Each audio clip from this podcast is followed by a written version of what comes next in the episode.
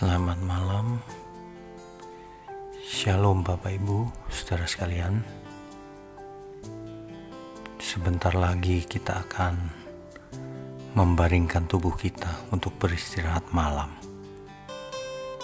Sebelum itu, mari kita renungkan kebenaran berikut ini.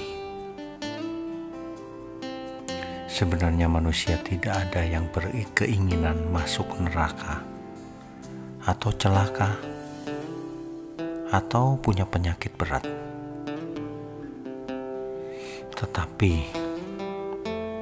faktanya ada banyak orang yang meskipun sudah mengerti tetapi tetap saja berbuat salah.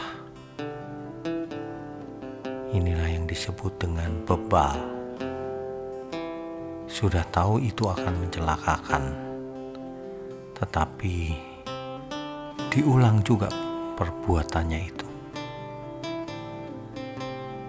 Lalu ia menyesal, menangis menyesali kesalahannya. Tapi itu tidak lama setelah beberapa saat, kembali ia berbuat dosa yang sama. Inilah yang disebut dengan bebal. Tidak mau belajar dari kesalahannya. Ia tahu sebenarnya apa akibat perbuatannya itu, tetapi ia bebal ia tidak memperhatikan bagaimana ia hidup, sehingga bahkan mengulang-ulang kesalahan yang sama. Bahkan ia tidak peduli dengan teguran-teguran firman Tuhan, karena ia merasa sudah mengerti. Oleh sebab itu, Alkitab berkata, "Perhatikanlah bagaimana kita hidup.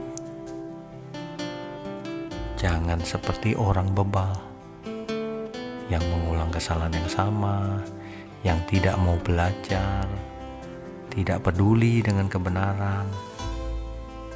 Akibatnya mencelakakan dirinya sendiri. Jangan hidup seperti orang bebal melainkan hiduplah seperti orang yang bijaksana, yang arif dan bijaksana. Yang bagaimana itu? Yang tidak bebal, artinya mau belajar, tidak mau mengulang kesalahan yang sama,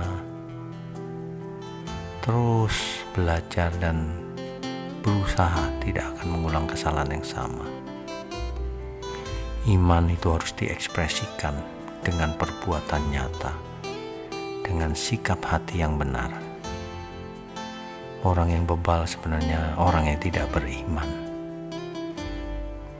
Sebenarnya kalau seseorang bebal itu yang rugi diri sendiri. Karena ia sedang mencelakakan dirinya sendiri.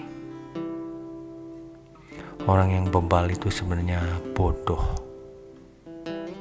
melakukan segalanya tidak dengan arif bijaksana. Orang yang arif dan bijaksana akan mencari bagaimana ia harus hidup